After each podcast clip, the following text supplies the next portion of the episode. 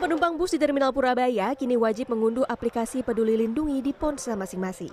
Banyak di antara mereka yang kebingungan dengan kebijakan baru ini. Sejumlah calon penumpang mengaku belum mengetahui aturan ini. Selain belum banyak yang mengunduh, kendala lain yang ditemui petugas adalah calon penumpang yang tidak memiliki smartphone atau bahkan ponsel.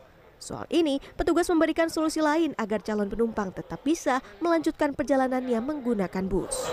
Nah, kita pertama itu uh, tetap menanyakan sudah vaksin belum.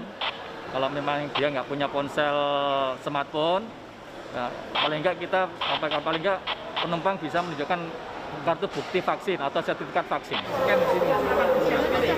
Sudah hampir sepekan petugas terminal mensosialisasikan penggunaan aplikasi ini. Target mereka, masyarakat tahu dulu penerapan kebijakan ini. Belum ada tindakan pelarangan naik bus ketika calon penumpang belum divaksin. Petugas masih memberikan imbauan agar mereka segera vaksin dan menggunakan aplikasi Peduli Lindungi. Sementara itu, untuk mengoptimalkan dan menjamin keamanan data, pemerintah telah melakukan migrasi sistem Peduli Lindungi ke Pusat Data Nasional. Pusat Data Nasional ini dikelola Kemenkominfo dengan kerjasama dengan PT Telkom, BSSN, serta kementerian terkait. Selain itu, dibentuk tim khusus yang selalu memantau keamanan data tersebut.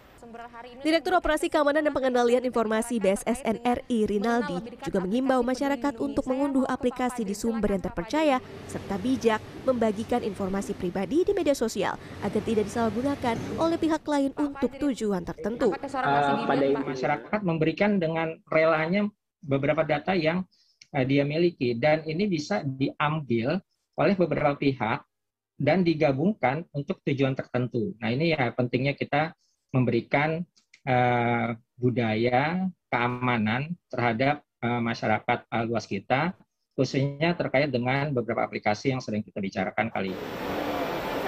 Berdasarkan data dari Kementerian Kesehatan, aplikasi Peduli Lindungi telah diunduh oleh lebih dari 39 juta pengguna. Tim Liputan CNN Indonesia.